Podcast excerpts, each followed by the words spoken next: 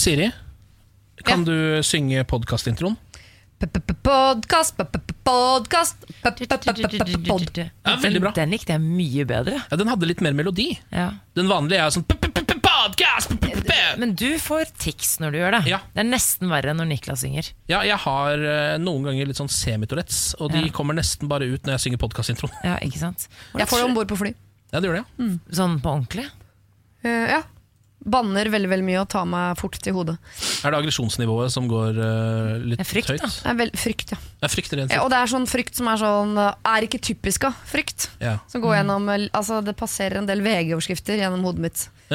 Skulle bare på jobb! Mistet uh, hele familien. Ja. Altså sånn. Ja. Jeg er også Jeg har uh, Altså, jeg er så redd for å fly at jeg kan ofte tisse litt på meg. Ja, I? I buksen min mens buksen jeg sitter. ja. Fordi at jeg blir redd. Ja, jeg, jeg har liksom ingen problemer med akkurat det med fly, og det er jeg veldig Så glad for. Fordi da blir det ikke noe sånn Jeg tror jeg ikke hadde liksom dratt så mye til utlandet hvis jeg faktisk hadde hatt det. Jeg tror det hadde påvirka ganske mye. Fordi Mm. tog, veldig for det miljømessige, tar altfor lang tid. Mm. Altfor lang tid. Jeg tar tog til København, ja. ikke denne helgen, men neste. Ja. Du, jeg er i København sikkert tre ganger i året. Hvor lang tid tar det? Tar tog. Nei, Seks timer cirka, da, med stopp i Gøteborg. Ja, Det er for lenge. Hvorfor Nei, men du det tar jo i seks timer å komme seg til flyplassen tilbake. Men jeg pleier å fly hjem, da, men det er fordi jeg er så glad i flyplassen i København. Ja, den er veldig fin. Hvis ikke jeg har fått brukt nok penger i Kjøben, så kan du banne på at jeg får det på flyplassen. i hvert fall. Kastrup. Oh yes. Ja, den er veldig fin. Eh, er det noen som har noe litt eksklusivt å dele? Fordi det liker vi å gjøre når vi har podkast. Jeg snakket jo litt om sånn ufrivillig tissing. Vi har snakket litt, litt som program, så har vi snakket litt om ufrivillig urinering. Ja, det viser seg at alle vi hender at vi tisser litt på oss. Ja, Men det er egentlig ikke det jeg skal snakke om. Eh, Det her kan jo komme som følge av en graviditet. Eh, Jeg er gravid. Men i går så kjente jeg at barnet bevegde seg for første gang. Og det var veldig, veldig Altså det var i det jeg skulle Det var veldig dårlig timing, for det var faktisk i det jeg skulle sovne, og jeg hadde litt problemer med det i går. Men når eh, den lille begynte å røre litt på seg, ja, for første gang, da blir du jo oppspilt. Og så heldigvis var jo samboeren min uh, i nærheten også, så han fikk også kjenne litt. Men det er altså noe av det rareste Det er eh, som kjent rumling først, liksom. For Ja. er var noe Er det luft i magen? Ja. Er det litt sånn eh, rumling? Eh, eh, Vanskelig å si i starten, for jeg har kjent litt sånn småbobler, liksom. Men jeg tenkte sånn, nei, det der er bare rumling. Men i går så kjente jeg at det er ikke spark, men det er liksom bevegelse. Ligger og fiser inne? Ja, den gjør sikkert det. Det var det samboeren min sa også, så han la hånden sin, og så trykket han bitte litt, og da kom det en liten sånn fist. En liten sånn Går det an å si fist pump? Det si liksom. Men du, det er, ikke, det er ikke uheldig timing, det er en typisk timing. For det er jo sånn at eh, når du er i bevegelse, så eh, luller du barnet Ja, i søvn. ikke sant? Men med en gang du legger deg helt stille, da våkner barnet. Det er jo derfor man, når man får barn også, at de ofte sovner i bil og i vogn og sånn. For de er vant til å sove når det er bevegelse, Ja. og så er de våkne når det er stille. Ja. Ja. Så, og det der blir mer mer og mer hver gang du legger deg ned og skal slappe av, da våkner babyen. Men det er sikkert derfor man sliter litt med søvnen eh, etter hvert, altså når man nærmer seg termin og sånn, fordi da er jo barnet nesten ferdigbakt, og da driver den jo og spreller rundt og sparker opp i ribbeina og sånn. Det- Den, nå syns jeg det er kjempesøtt, men Ja, fordi det var det jeg lurte på. Er det mest søtt og litt sånn nesten litt hva skal man kalle det, romantisk eller noe? Ja. Eller er det, er det mest nesten litt sånn skummelt? Det er noe i magen Altså, Det er et menneske inni der som driver og sparker meg på i innvollene. altså vanvittig blande, blanding av de to tingene. Fordi først er det sånn å herregud, nå ble jeg rørt, dette er så fint, eh, babyen lever, den lager liv, Ja. videre Men så er det sånn, det er en motherfucking alien i magen din. det er, og den følelsen, den er, fordi det går jo ikke helt opp for deg når du er du, Jenter blir gravide, og så kjenner man ingen Man kjenner jo ikke så veldig mye. Man får ikke, jeg fikk ikke den der instinkt eller følelsen, eller alt med, men nå begynner jo ting å bli litt crazy. Ah, nei, dette blir, blir spennende å se hvordan Ja. dette skal gå utover. Altså, som at jeg kjenner det. Eh, I denne podkasten kan du glede deg til at Henrik Asheim er innom. Forteller oss litt mer om Bloksberg, gir oss noe info der. Eh, og så er også Geir Skau innom for å fortelle oss noe han vet. Og vi kan røpe at det handler om bilkarosseri. Bilkarosseri. Vel bekomme. Morgen på Radio 1. Velkommen til Siri Kristiansen. Tusen takk. Velkommen til Samantha Skogran også. Hjertelig. Er det bra, eller? Det er bare bra. Det er jo tirsdag i dag. Det betyr at for mange vil det jo si at det er den tyngste dagen i uka. Ja. For det er på en måte Det var mandag i går, eh, og så er det jo ganske lenge til helg. Men frykt ikke, for det fins noe som heter turbotirsdag. Det er det vi er inne i nå, er det ikke? Det er det vi er inne i nå. ja. Eh, Frykt ikke. Ja, og Ikke vær redd for at turbotirsdagen skal være at den går for fort. Eh, Det er vel ikke derfor den er turbo? Er det, det? Det, er, det er bare den går akkurat i passe turbofart Ja, nettopp. fram mot onsdagen. Ja, så vi dytter Altså vi dytter deg litt inn mot onsdagen, og da er det jo lille lørdag. Da er jo alt Ja, da, da, da, da ordner Det det, er går av seg selv, da. Eh, Siri, du er jo eh, på plass fordi at eh, Niklas Baarli er på 71 grader nord, og du er hans vikar. Tenk deg, Han har ikke turbotirsdag i dag. Han har eh, blåmandag nummer to. Han var, på, han var og er muligens på sin første tur, regner jeg med. Jeg tror det, ja? Mm.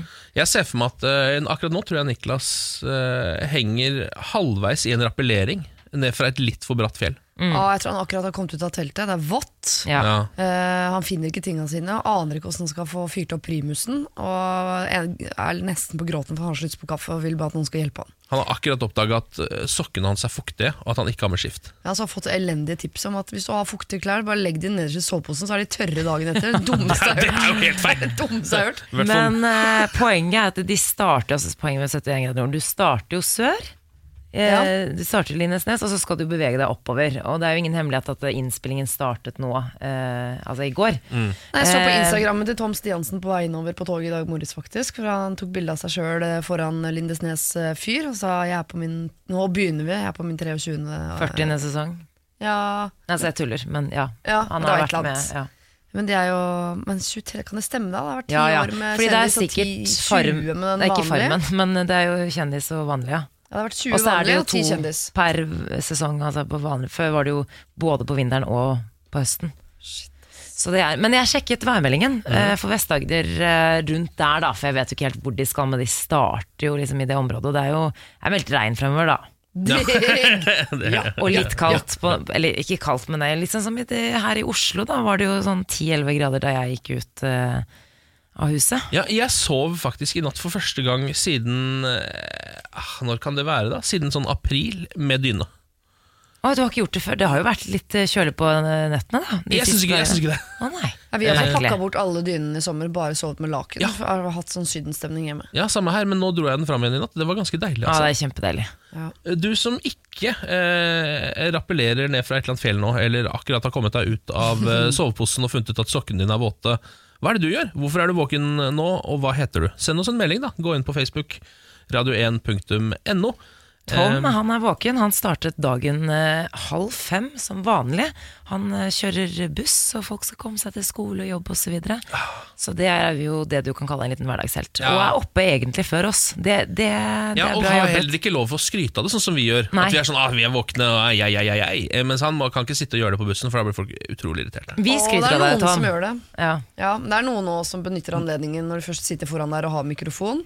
Eh, de har jo jeg har mikrofon. bitt meg merke, så er det noen som er eh, mer glad i å bruke den mikrofonen enn Bestefar andre. var eh, bussjåfør, han gjorde det. Ja, Han likte Ja. å prate. ja. Det fins noen sånne karaokebussjåfører eh, som bruker det litt som eh, på en måte karaoke, en karaoketaxi.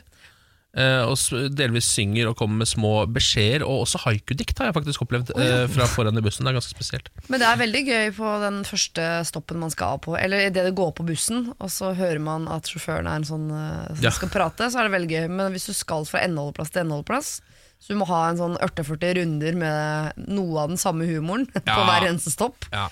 Da, eh, da klarer ikke jeg å holde humøret oppe. Det skal jeg innrømme. Nei, Det er faktisk verdt å hoppe av og bare gi det ti minutter til neste avgang med samme buss. Mm. Heller ta den. Ja. Satse på at det er en annen type sjåfør. Eh, Hva er det som skjer der ute i landet, da? Eh, Vi har vel noen eh, avisforsider foran oss? Det har vi alltid. Den Dagbladet velger å fokusere på eh, Jensen-saken. Jurydrama kan avgjøre Jensens skjebne. Så det her, eh, ja, den saken er ikke over. Siri, du sa jo du var lei allerede i går. Eh, ja, i går jo, eh, kunne man lese om hans nye plan, hva som var liksom strategien hans fremover nå i denne runden. Og jeg merket, altså, jeg, jeg gadd ikke å bla forbi engang. Så jeg, jeg, jeg orka ikke å sette meg inn i runde to. Nei, er, Jeg er enig i at det er, det er litt mye. Det var jo eh, såpass hardt trøkk på runde én med Jensen-saken. Ja, Og jeg tenkte liksom at nå var vi litt ferdig med den. jeg følte på samme behovet som når Speed 2 med Sandra Bullock kom. Sånn, det var ganske gøy med eneren, altså, men det er ikke noe vits å se nummer to. Liksom. Speed 2 Cruise Control, hvor de istedenfor at de er på en buss, er de på et cruiseskip, som jo går sånn passe fort Helt bortover meningsløst. langs eh, vannet der. Ja, ikke noe vits i. Jeg har nordlys foran eh, meg, og der er det jo en familieskjebne på forsiden. Eh, noen som har fått brent ned hytta si, og de får ikke lov til å bygge den opp igjen. Nei, Å nei! Uvisst hvorfor. De får altså ikke lov å bygge opp sin egen familiehytte igjen. Hvis noen uh, i Nordlysredaksjonen hører på, så vil jeg bare påpeke at den avisen deres ser ut som uh, en reklamepamflett. Ja, det vil du si, ja. Det er altså reklame for uh, ost og laks, gulrøtter, smør, oh, ja. julekake, Ja. kaffe. Altså, det er ikke måte på. Det Er litt mye reklame på forsiden av den? Det reklame. Det funker for meg. Bergensavisen har en sak hvor det står 'Brexit førte den til Bergen'. Eh, Og Jeg har jo ikke lest saken, jeg ser bare forsiden, men jeg regner med at det er noen briter som rett og slett har datt til, endt opp i Bergen da, pga. brexit, fordi de vil komme seg ut av Storbritannia. Mm. Um, og Det der blir spennende å se hvor, hvor alle briter emigrerer, uh, nå som det virkelig begynner å sparke inn der borte.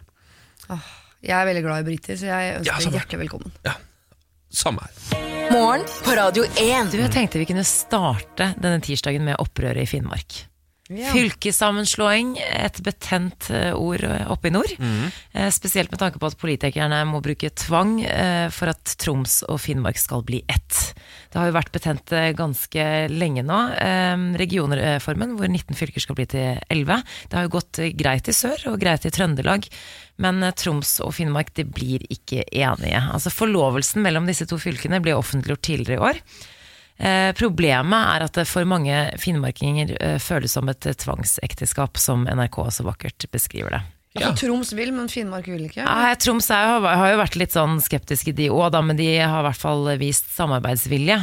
Eh, I går klokken tolv hadde kommunalminister Monica Mæland, Mæland innkalt eh, fylkene, eh, altså eh, fylkesordførerne for hvert sitt fylke, til et møte om sammenslåingen. Mm. Men det var kun Troms som møtte opp. Nei. Jo, eh, her er det på en måte Det her er sånn, det her er sånn, sånn megling, føler jeg. Det, er, det minner meg faktisk om et ekteskap, da NRK skulle forklare saken eh, i en nettsak. Det var veldig fint, men de, de sammenlignet det da litt med, med et ekteskap, og det er jo sånn jeg ser på det.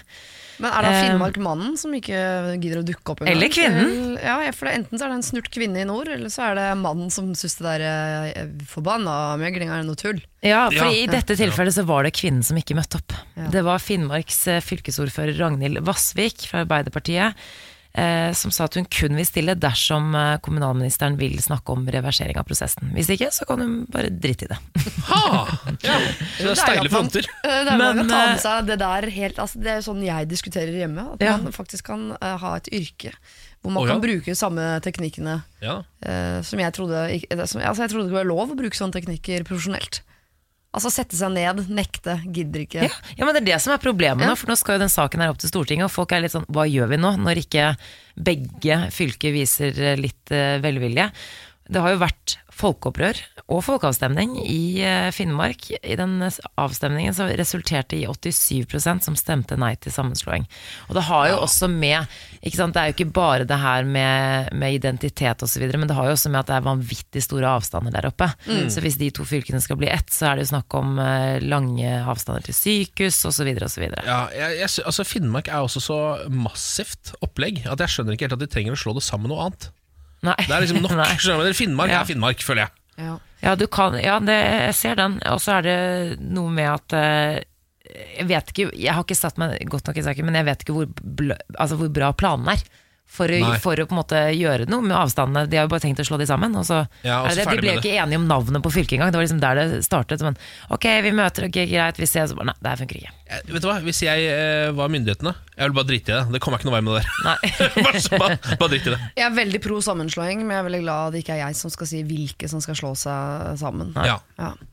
Eh, det er min andre dag her på morgenradio, og jeg merker allerede hva det gjør med kroppen. Altså, det gjør noe med For et enormt behov for hvetebakst. Yep.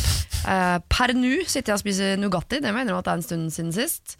Og i går, eh, ca. klokken 11, så fant jeg meg selv eh, inne på Oslo S, altså sentralbanestasjonen her i Oslo sentrum, alene på en eh, kafé, hvor jeg spiste en toast eh, som var sånn, Den dryppet av fett, var varm, full av kalkun eh, og, og mozzarella.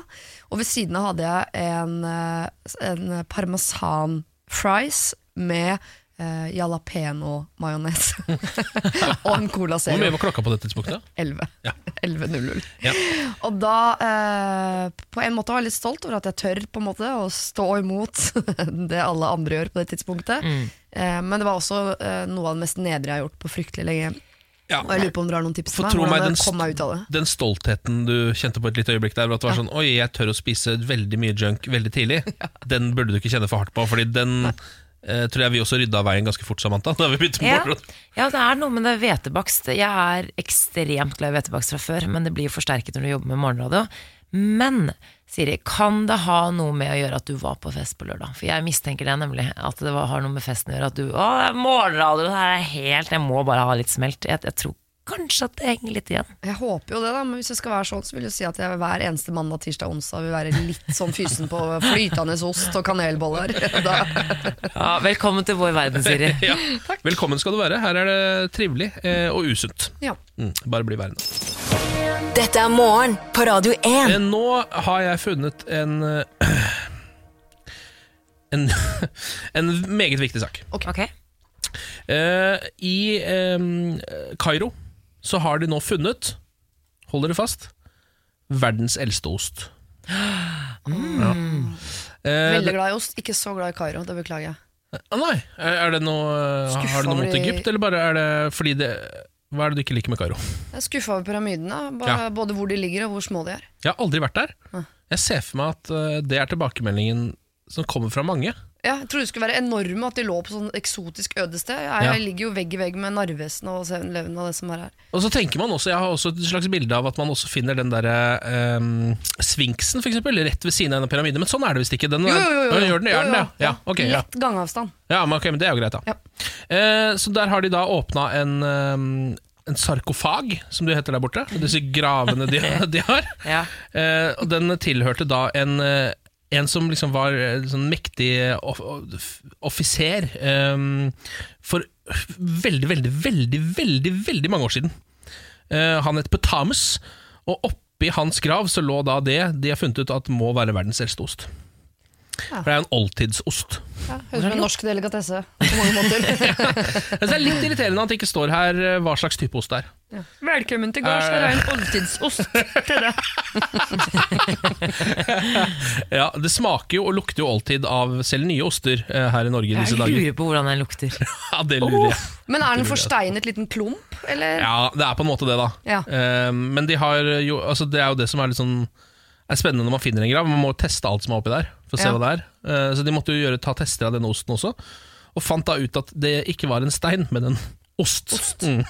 Men er det ikke sånn at man, når man begraves på den tida der, så Mm. tok man med seg alle sine kjæreste eiendeler ned i graven? Jo. Det var så stusslig liv når det er sånn Ja, ta med denne osten.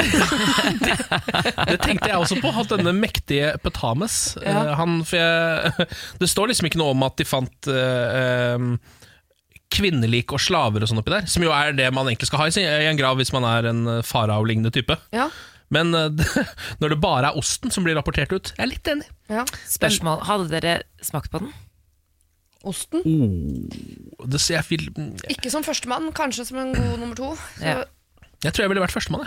Jeg. ja, Jeg ser jo for meg at det bare smaker aske. Kanskje det. den, men jeg har litt lyst til å smake på en såpass gammel ost. Altså. Da, kan liksom ingen, da, da er det ingen som kan um, Som kan imponere deg når du kommer på en eller annen litt for uh, hipp restaurant, og så er det sånn Ja, her har vi en ost, den er lagra i ti måneder. Så er det sånn Jeg spiste en ost her om dagen, jeg er fra 2000 år før Kristus. Og så har du faktisk gjort det. Det er litt ålreit, den. Og det var gratis. Mm, det var gratis, Det er, vi er veldig samkjørte oppi topplokket, Ken. For jeg har også funnet arkeolognytt i avisene i dag. Og grunnen til at jeg har snakket litt trøndersk nå de siste minuttene, er fordi dette er fra Trøndelag, så jeg driver og- varmer opp eh, for å komme meg inn i, i rollen. Bra. For det som er gøy, når NRK bringer nyheter, så er det ofte at de eh, Det virker som om de, liksom, de vil gjerne rapportere nyheten på den dialekten hvor nyheten kommer fra. Ja. For det er arkeologer som har gravd fram noen svært sjeldne funn. Noen vikingfunn eh, ved nye E6 i Trøndelag. Og Da er det bilde av fem stykker i sånne gule vester som står og hakker i jorda. Og under står det 'Hella med små skoggroper dukker fram på en av utgravingas første dager'. og først, så- Jeg klarte ikke å lese først, så jeg sånn 'hella'. Men det er altså på trøndersk 'hella'. Eh, og det som er eh, så sykt her, er at eh, arkeologer vanligvis finner spor etter hus som er eldre enn vikingtiden. Eh, hvor tak og vegger og sånn har vært båret opp av sånn jordgravde stolper. Men nå så har de da funnet spor av en laftet bygning. Ja. Altså en trebygning. Og jeg blir alltid når jeg leser arkeologfunn, en blanding av eh, overrasket, imponert altså jeg klarer ikke å sette ord på følelsen. For jeg, det er som eh, kryptovaluta for meg. Altså det er uangripelig. Ja. Jeg forstår ikke hva det er. For de har funnet Jeg ser bilder, og de tegner rundt og sånn. Se her, det er spor etter et hus. Og jeg ser, jeg ser bare her haug, ser Du er helt sikker på at det er sånn det er skrevet, og at det er sånn det lyder. Ja, hus, heile. Sånn. Det er fire steiner i en, cirka en firkant, og det er visst spor etter et eh, laftet hus. Da. Jeg, jeg, jeg, jeg Hvordan er det de vet det? Nei, det forstår jeg ikke. Og det er, det i det hele tatt et tre, ligger det en eneste trestubbe der? nei, det gjør ikke det. Eh, Men det er, de har målt seg fram til at den er 6 ganger 6,5 meter og var i bruk på ca. 1000-tallet etter Kristus. Hvordan Det- vet man det? Nei, det, det lurer jeg også på. Jeg, og nå skal jeg ikke på en måte komme mm, og gi arkeologer et dårlig rykte, men det kan også bare være en hemmelig forening som finner på ting. Fordi øhm, De er jo smartere enn oss, mener de selv.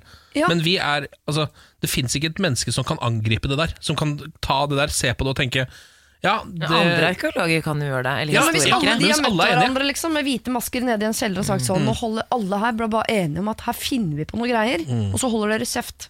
Dette kan vi leve av i mange år Altså, klokka, klokka er ikke sju engang, og allerede har det kommet med konspirasjonsteorier mot arkeologer. Ja. Her er det vanskelig å henge med, sier jeg bare. Ja, men Sånn som det dinosaurgreiene, liksom. Altså, folk, eh, bare tenk deg hvor deilig det må være for dem. Folk går jo fem på. Ja, ja, jeg, ja, jeg gjør det i hvert fall. Altså, Ja. Hvis det står vikingfunn, så tror jeg at det er Ja, vikingfunn. ja, ja. Ja. Og så driver du hele tiden og finner på nye ting. Sånn som, nå er det sånn, nei, Egentlig så så ikke dinosaurene sånn som de gjør i Jurassic Park. De hadde egentlig fjær. Ja. Har kommet nå, Og så har det blitt litt trukket tilbake, og så kommer det tilbake. Og så, Men ikke kødd med. Jurassic Park, for det, Nei, nei, det nei, er jo sant. Ja, ja, det er det jeg også mener. Det burde Ja. bare være Dokumentar. sant. Ja. En. Det er dokumentar. Utenlandsstudier i fritt fall. Antallet norske studenter er rekordhøyt. Men stadig færre velger å reise til utlandet fordi det er dyrt, og mange mener at det er vanskelig å få seg jobb når de kommer hjem til Norge. Jeg så denne saken i forrige uke, eh, og syns det er litt synd egentlig at, eh, at flere velger å ikke reise utenlands. Jeg gjorde nemlig det da jeg var student. Da reiste jeg til Berkeley utenfor San Francisco. En eh, sånn hippie veteranby som alt hvor alt er økologisk. Absolutt alt og organisk, Ja. hvis dere skjønner hva jeg mener. Reiste dit på utveksling sammen med en venninne, eh, og lærte faktisk mer der på ett semester enn det jeg gjorde på de andre årene jeg hadde på Universitetet i Bergen. Og har egentlig ikke noe poeng med, med den historien her, annet enn at jeg hadde det så gøy. Jeg var singel. Det fantes ingen nattklubber i Berkeley, det var bare puber med masse god øl. Så er det fjell der. Så det var liksom blanding av liksom litt sånn norsk natur, men også California. For det er jo alltid Hvis, hvis det regner i San Francisco, så er det alltid sol i Berkeley. Og jeg bare tenkte sånn herre det er så synd at norske Jeg tror faktisk de går glipp av Det er så synd at det skal koste så mye. For det må jeg innrømme, det ene halvåret der altså Det kostet jo også mer enn de andre årene jeg hadde på Universitetet i Bergen. Ja. Men var dere noen gang på utveksling? Nei, jeg var ikke det. Nei. Jeg forsøkte å ta X-Fill på Bali, på en måte men jeg var ikke med i X-Fill på Bali-programmet. Jeg bare var på Bali og tenkte sånn, kanskje jeg skal ta X-Fill, og det gjorde jeg aldri. Nei. Så jeg kom hjem og tegna en banan på eksamen og var ferdig med det. Jeg tok et år eh, på Mysen, ja. hvor Jeg Det er ikke utvikling, Siri. Eh, bodde ved siden av kvinnefengselet på Mysen, hvor jeg lærte meg å høvle og dreie og tappe og sinke og sånn. Ja. Så det var helt ålreit. Men det var ikke noe Berkeley-schwung over det. Der var det heller ingen nattklubber. det skal sies. Ja, ingen nattklubber der heller, nei. Nei. Men Men jeg er mye, da. enig, da har jo du opplevd noe som du gjerne vil at uh, så mange andre skal oppleve som overhodet mulig. Og da blir man jo trist når man leser at folk ikke reiser og studerer i utlandet. Ja, men jeg skjønner det, jo litt det der med, med det å få seg jobb, at det er dyrt og sånn, men vi har jo det ganske fint. Vi kan jo ta et lån. Å, ja, ja, ja. Jeg betaler fortsatt studielån, som Oh, yes. veldig mange andre. Men jeg, jeg, jeg er også for at eh, nordmenn generelt egentlig må komme seg litt mer til utlandet, fordi vi begynner å, å eh, grave oss såpass langt opp i vår egen rumpe etter hvert nå, syns jeg. Ja. Eh, det gjør man jo egentlig i alle land i hele verden, da. Vi er ikke er på vei sånn, ned heller. nei, så, nei, så jeg tror det er bare dra og se noe annet. Ja. Men det er noe med kanskje ikke ta hele utdannelsen der, så du kommer hjem etter seks år og kan alt om uh, portugisiske fotvorter, liksom, som du ikke får brukt uh, hjemme. Er Eller de som har glemt å snakke sånn Å, unnskyld, jeg bare snakker som engelsk, jeg klarer ikke Hva var ordet igjen? Men et Det halvt orker jeg år, ikke. et halvt år ute, kom igjen da. Ja, få det på. Morgen på Radio 1. Hverdager fra seks. Eh, I studio sitter Ken, Siri og Samantha. Og nå en sak som både VG og Dagbladet eh, skriver om i dag. Tidenes kinokollaps for Kevin Spacey. Ai, ai, ai. Ja, eh, Den siste filmen til Kevin Spacey, 'Billionaire Boys Club', eh, har paradoksalt nok, hvis man hører på tittelen, bare spilt inn 1000 kroner i løpet av åpningsdagen i USA. Hæ? 1000 kroner, ja. 1000 kroner. Oi, det var lite. Det er ganske stusslig. Er det to-tre Ja, hvor mange kinosaler, kanskje? Ja. Ikke det engang. Nei, nei, nei, nei, det er ikke det engang. Det er jo en kinos, under én kinosal. Ja. Altså Når jeg tar med unga på kino i Moss og kjøper popkorn og godteri, så er vi oppe i 1000 kroner. Altså. Ja, Så det kan ha vært bare en familie det, som har vært sett. Jeg husker at jeg en gang eh, da jeg var en fem-seks år, satte opp en sånn uh, stand for å selge saft uh, i nabolaget. Da tjente jeg 400 kroner. Ja. Det er nesten Altså, det er sånn Ja. Da er utgiftene minimale. Det tror jeg ikke har vært eh, produksjonen av denne filmen. Jeg tror filmen. Billionaire Boys Club har eh, hatt eh, litt flere utgifter enn det jeg hadde.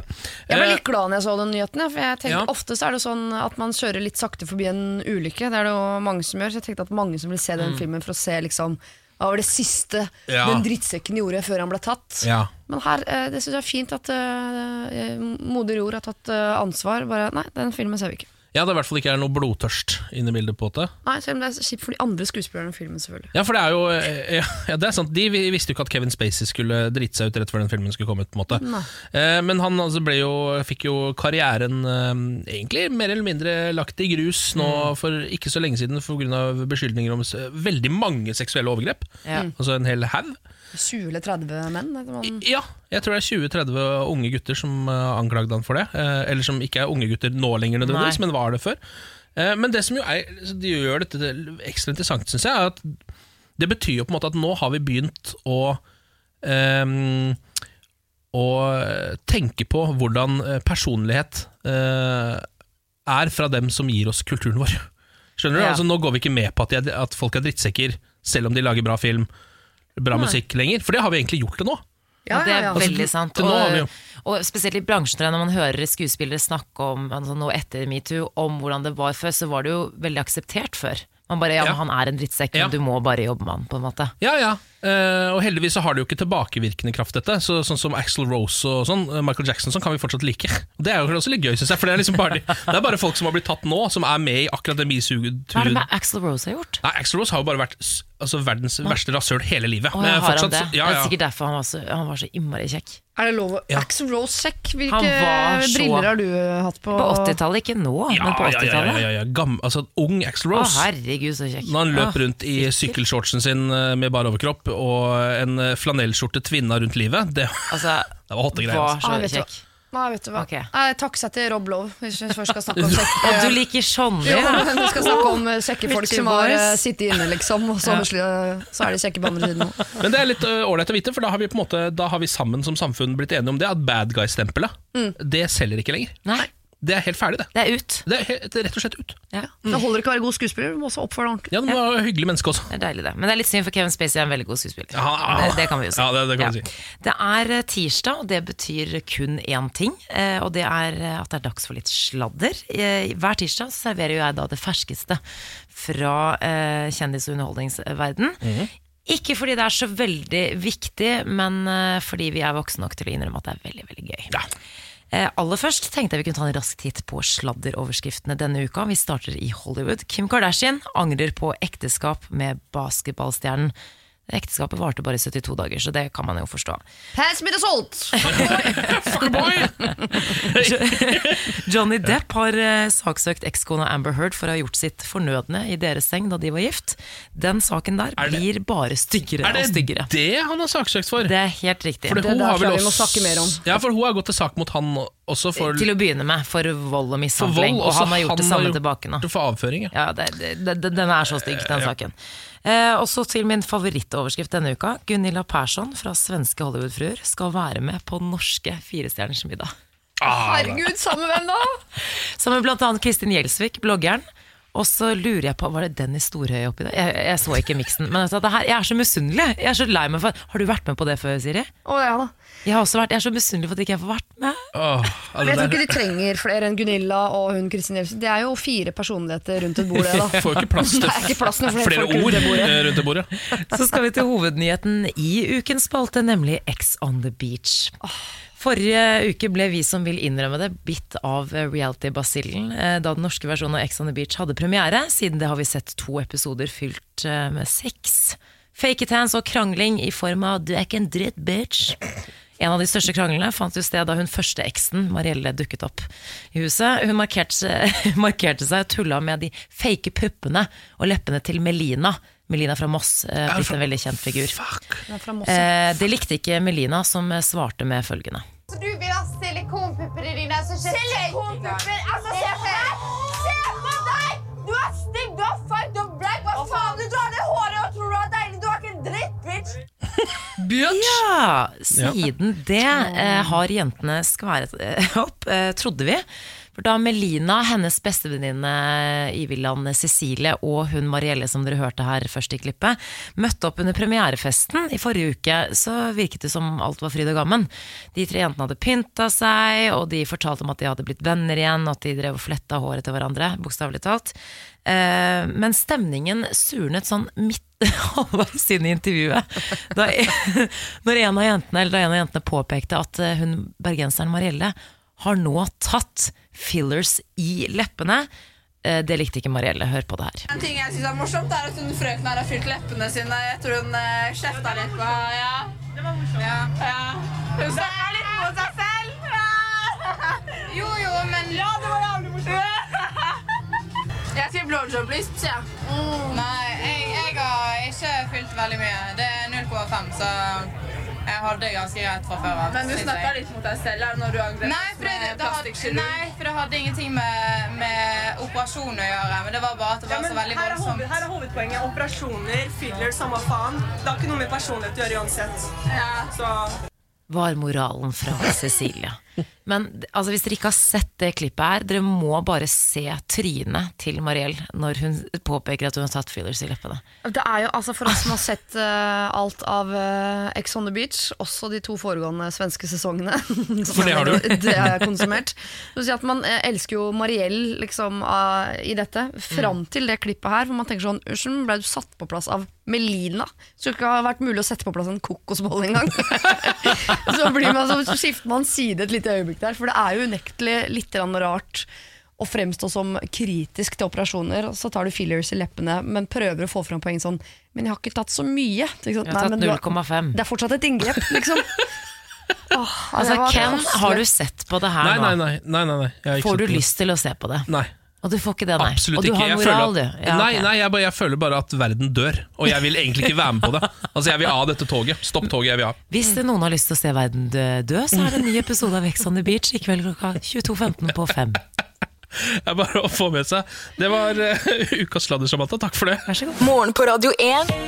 Hverdager fra 6. Jeg hadde en litt eh, traumatisk opplevelse i går. Eh, jeg kommer jo hjem fra arbeidet, legger meg i eh, dobbeltsenga tenker at nå skal jeg sove en to timers tid, mens min eh, deilige mann, lokføreren, tar med seg bikkja og skal gå altså, en tur i skogen. Dette høres, dette høres ut som et deilig liv, ikke sant? Ja, ja.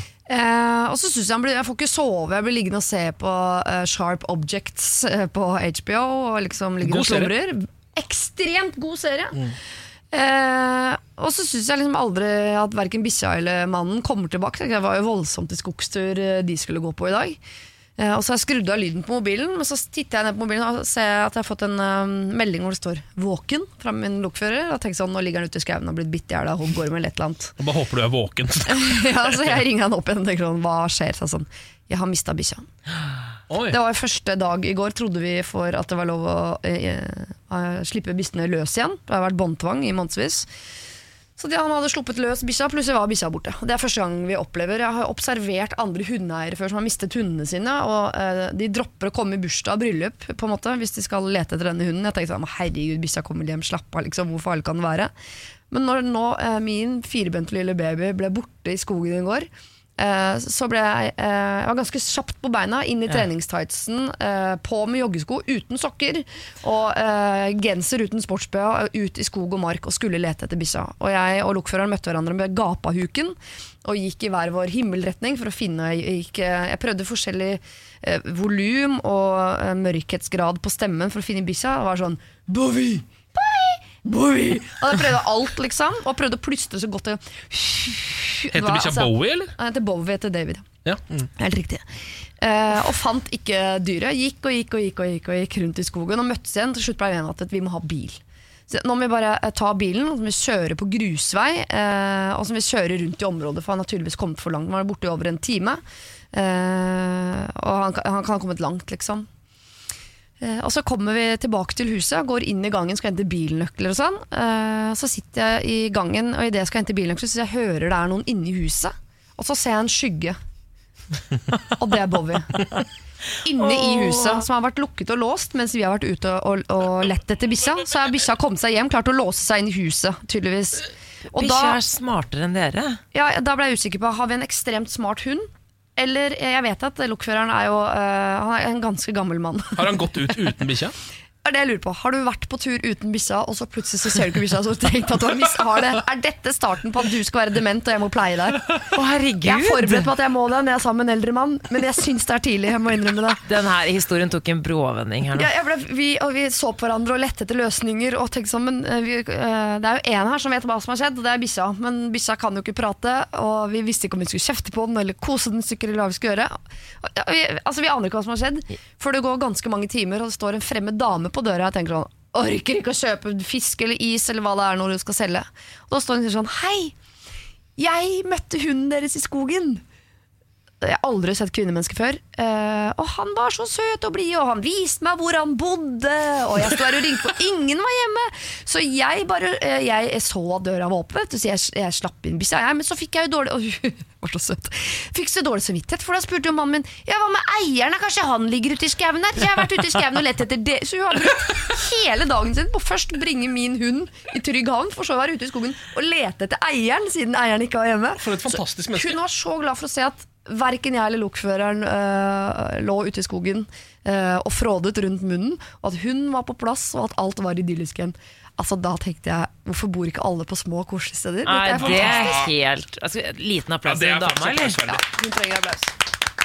Ja, det var Men, litt bra. skummelt med mannen din. Ta en titt på det. Jeg, jeg skal følge med på hjernen hans Ja, gjør Ja, forsker slår alarm. Vi er gode på sånne forskningssaker om dagen. Yep. 15-åringer sliter med å finne fram på nett. Og her var vi bekymret for at nett og mobil gjorde oss dummere. Ny forskning fra Universitetet i Oslo viser at norske tiendeklassinger sliter med å navigere seg fram på nettsider og finne fram informasjon. Eh, NRK har snakket med en lærer eh, ved Hop oppvekststund skole. Det stopper opp når kilden er på engelsk. I tillegg leser de som regel bare den første siden i søkemotoren. Om de ikke finner noe konkret i overskriftene, ja, da hopper de videre. Ja, det her ja. er jo oppsiktsvekkende hvis vi først skal bruke data. Jeg trodde det var hele poenget at nå får vi jo dataene inn fordi det er mer effektivt og at ungdommene er flinke på det. Hvis de ikke er flinke på det engang, hva er det vi holder på med da? Må vi ha ordentlig opplæring? Men, men altså, kan ikke 15-åringer engelsk heller, da? Er ikke det? Jeg var sikker på at de kunne engelsk. Her er det veldig mange hull. Ja, jeg synes det. Ja. Du kan jo ikke business-engelsk. Jeg tror man også Fordi man, det skal være effektivt, så forventer man også at overskriften er effektiv nok til at der får jeg det jeg trenger. Det skal ikke, altså Vi er jo uh, skumma-generasjonen. Ja da. Hvis det skal holde å lese overskriften og skumme resten, så skal du ha fått med deg det du trenger.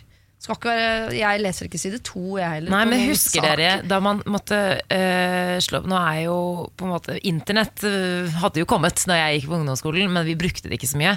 Men vi hadde jo leksikon hjemme, og da var det sånn A, B, så, ikke sant? så fant du frem, og så slo du opp i leksikon, og så måtte du lese deg frem til det som var informasjon. Ja, det er jo sånn det er research vekkende, fungerer jo sånn. Ja, det er borte det nå. Det er, Er ikke det trist? ja. Det sånn. er det, dette, her har vi forbedringspotensialet. Ja. Dette må vi rett og slett jobbe med. Morgen på Radio 1. God morgen, Samantha Skogran. Nei, god morgen, da. God morgen, Siri Kristiansen. God morgen. Og god morgen og velkommen tilbake til vår mann på tinget og vår faste huspolitiker eh, Henrik Asheim. Velkommen. Takk skal du ha. Eh, Leder av finanskomiteen for Å ja. Høyre. Å ja. Mm, jeg fikk det til. Eh, Ja, du det- treff. Ja, jeg, jeg det var Niklas som derimot. aldri vet hva jeg driver med. Og enkelt. er at han må klatre på et fjell med kjendiser. Ja, som han driver med disse dager. Eh, har du fått kaffe, Henrik? Nå har jeg fått kaffe. Har du drukket den? Nei. Nei. Nei, jeg skal bare være litt sånn Erin Brockridge-aktig og si at den kaffen har vi jo laget av med drikkevann fra Oslo. Um, som jo visstnok er fullt av bakterier og må kokes. Og kaffe Ja. eh, det kokes jo ikke, det er vel bare en 80 grader, tror jeg. Det trekkes mer, nesten. Det trekkes, ja, så det er jo ikke kokt. Og Du jeg får må egentlig innrømme opp bakteriefloraen litt. ja, Sånn. Ja, de blir varme og koser seg og formerer seg. ja. Så det kan hende du vil føle på en kvalmhetsfølelse når du går herfra i dag. Jeg syns det er rart, for advarselen kom ut før helgen. Det fikk ikke jeg med meg. Og dette er området jeg bor i, Ja. som har et drikkevann man ikke eh, skal røre. Og jeg har drukket det vannet Altså, jeg har virke, jeg har dusjet i det, drukket det. Altså, jeg kost meg i det vannet hele helgen. Hvilke områder er det snakk om? Det står det er eh, vest for Mosseveien. Eh, Det er jo fra akkurat der du bor, ja. Ja, det er der jeg bor. ja. Er der jeg bor. ja, det er jo det. Og det, jeg, jeg, altså, jeg har ikke drukket litt vann, jeg har drukket masse vann. Ja. Og jeg, Sønnen min har sagt at han har vært kvalm. Jeg sånn, skjerp deg, det er bare fordi du ikke vil på fotballtrening. Jeg har vært dårlig forelder på det. Eh, Dattera mi var litt pjusk, så sa den ta deg sammen. Det var fordi det er tøft å begynne på skolen. Alle har egentlig vært litt pjuske, men vi har bare bedt alle Alle har bedt hverandre om Hold å ta kjeft, seg sammen. Ja, Hold kjeft og ta seg sammen. Og så viser det seg at vi er jo forgiftet hele gjengen. Vi burde jo uh, ligget hjemme og fått penger av Nav.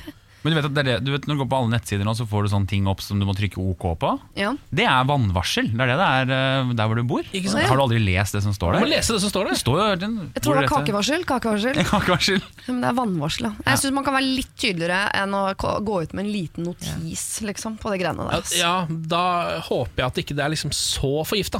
Hvis, du Det er skjønner. jeg. hvis det er ordentlig forgifta, Ja. så vil jeg gjerne ha en personlig tekstmelding om det. Jeg forventer sånn fly som flyr over der jeg bor, med, Med sånn banner, ja. kjempebanner. Ja. Det er de Det jeg eh, Ja. beskjedene jeg alltid tar mest seriøst. Det er de som kommer banner fra fly. Ja, men når, når du er i Syden, så får du det med deg. Ja, ja, men Du du vet hvor det er skumparty den kvelden Du ender opp borte hos Stavros. Ja, du gjør det. Det Der er det grei stemning der borte. Plutselig er det hos Stavros. Du skjønner ikke helt hva som har skjedd engang sjøl. Henrik, da du var her forrige uke, så var du jo på vei til Arendalsuka. Stemmer. Hadde en haug med debatter foran deg. Hvordan, eh, hvordan oppsummerer du den uka der? Det er jo som om hele Twitter reiser ned til en liten by på Sørlandet. eh, Ja. Og så går de rundt, og istedenfor å tvitre, så snakker de med hverandre. Som om Oi. de er på Twitter Ja, tiden. for dem som ikke vet hva Arendalsuka er, så eh, kan man, er det riktig å nesten omtale det som en slags sånn politisk festival? Ja, det er egentlig det det er. Ja. Eh, Det er en by med altfor få sengeplasser og altfor mange mennesker. Og så er det debatter overalt som alle mulige arrangerer. da Av små særinteresseorganisasjoner eller svære organisasjoner. Så, um, og så må politikerne sitte i panel på sånne høye barkrakker med dårlig mikrofon Ja. og svare på spørsmål som er vanskelig å svare på. ja. Som er veldig, sånn, veldig lite tema ofte. Men er det forventet at dere stiller opp på så og så mange eh, debatter, eller kan man bare cruise gjennom og se på og drikke øl hele uka? Altså Alle andre enn politikerne kan det. Ja. Eh, journalistene sitter og drikker øl hele uka. Eh, veldig mange av organisasjonene har liksom, Hva er jobben din? Du skal ta opp en roll opp, eh, passe på at de mikrofonene er dårlige nok, eh, få folk i panelet. Eh, men politikerne er jo underholdningen og unnskyldningen for at alle kan drikke øl. Ja. Eh, så? Og alle, det var 1000 arrangementer på fem dager. Og alle de skal ha en eller annen politiker som skal sitte og svette og svare litt ullent på spørsmål. Og det er oss, da. Så, så jeg tror jeg var i litt øl, da. 14-15 debatter. Liksom. Å, herregud. Men litt øl ble det. Å oh, ja, ja, ja, ja. Ja, altså, Det er jo dette okay. som er festivallivet. Det er, det er opp om morgenen, men jammen seint om kvelden òg. Ja. Er det noen høydepunkter du vil trekke fram, eller? Hvordan var Per? Ja, Per, men da, da dodger du litt ass, når Ja, ja. han eh, kommer ruslende. Liksom. Men eh, det er klart, det var jo den store bøssen. da Ja. Og Det som var gøy, var at Per var så god på dramaturgien der òg. For det var sånn Når kommer Per? Eh, og Per kom tre. Nei, han kommer seks. Nei, han kommer ni. Sånn da Han visste at han var Kanye West på denne festivalen, og folk kom til å vente da han kom uansett. Ja, rett og slett. Og det er så deilig sånn Jeg er så utrolig lei av dere journalister, så jeg drar ned til Arendal. Sånn, jeg orker ikke med journalistene, og så drar han oppsøker han der hvor alle sitter og drikker øl. Det er jo veldig spesielt. Stakkars. Men du Henrik, Arendalsuka har jo fått en del kritikk, eh, i hvert fall i enkelte artikler, mm. for å være for eliten. Og vi så at noen sånne ungdomspolitikere må sove på madrasser i en gymsal osv. osv. Hva tenker du om det? Stemmer, stemmer det? Jeg synes Det utspillet med at de må sove på madrasser, det hadde jeg ingen sympati for overhodet. Altså Det Arendal kommune har gjort, er gitt dem en gratis gymsal. De kan sove altså, mm. Er ikke det som er å være i ungdomsorganisasjon? at du skal sove på madrass og flørte med han eh, ja.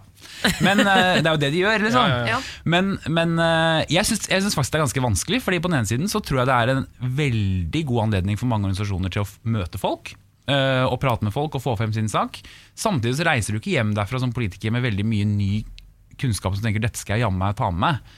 For det blir motsatt. Det blir at Du må bare forberede deg på akkurat det de vil ta opp, og prøve å svare så godt du kan. Fordi det er en debattsituasjon, det er ikke et møte. Det er de gangene hvor du møter noen ansikt til ansikt som tar opp noe eller forteller noe som du kan stille oppfølgingsspørsmål på. Det er det som er interessant. Men her er det jo ikke de som kommer for å fortelle deg, du skal svare dem. eh, I en sånn offentlig setting. Eh, Og det blir en uh, dårligere måte å kommunisere på, syns jeg. da Ja, men hva, hva er egentlig vitsen med Arendalsuka? da? Hva får man ut av det? Det man får ut av det, er jo tror jeg, ikke først og fremst de debattene, men det er nettverk. da? Det er at uh, Hvis du er en organisasjon, så kan du, du kan gå på LO-lederen på gata.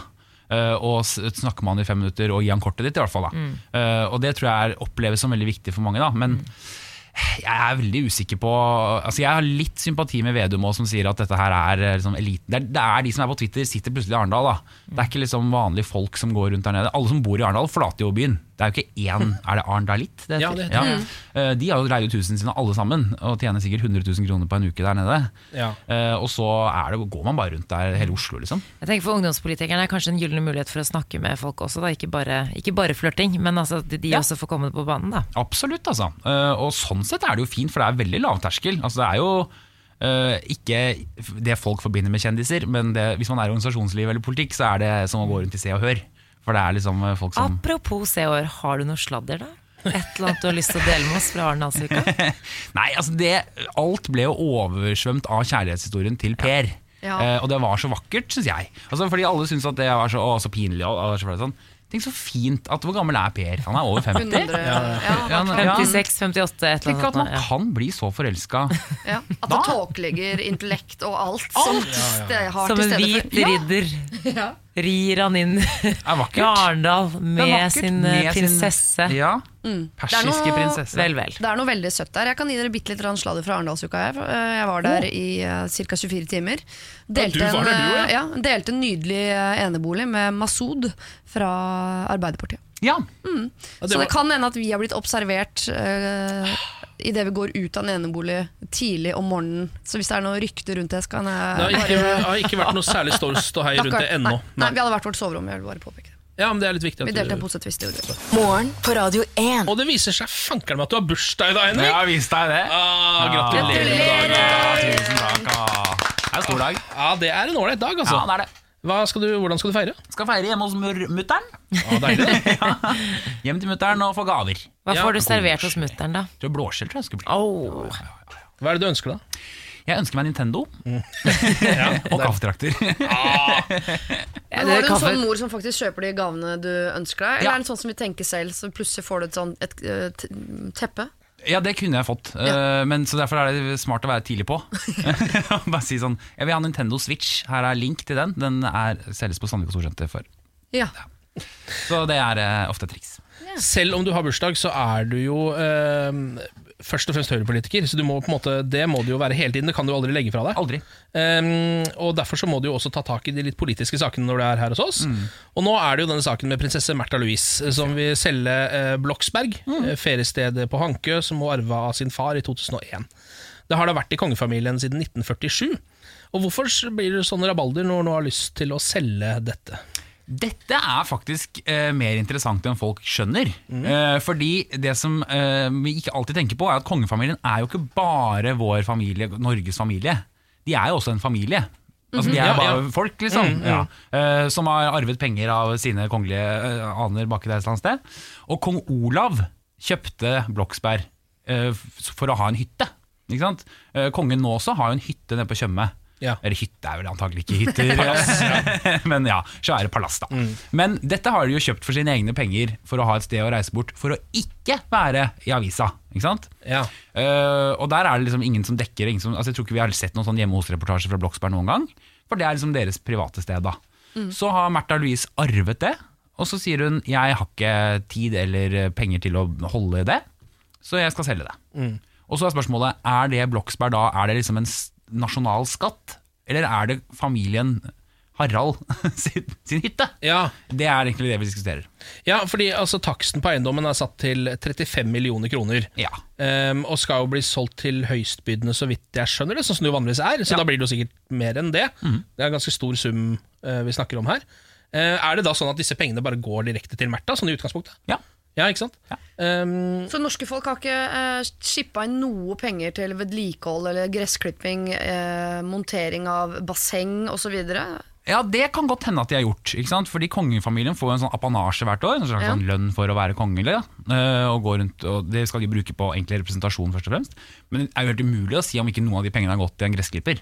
Ja. Eh, det kan godt hende. ikke sant? Så det kan hende at jeg egentlig har krav på en pyntepute eller et eller annet. Ja, det vil jeg si. Det vil jeg si. I hvert fall en sånn utelykt eller et eller annet. da. Syns du skal skrive et brev til kongefamilien, Siri. Men, eh, men eh, altså, hvorfor er det problematisk? For det første jeg tenkte på, hvem, eh, hvilke penger ble brukt Mm. når den hytten, eller da den ble kjøpt? Det lurer jeg på. Ja, Og det er deres private penger. Ja, det er det, og det var jo sånn, ikke sant, Da vi fikk kongefamilie i 19, Norge er jo det eneste landet i verden som har valgt kongefamilie.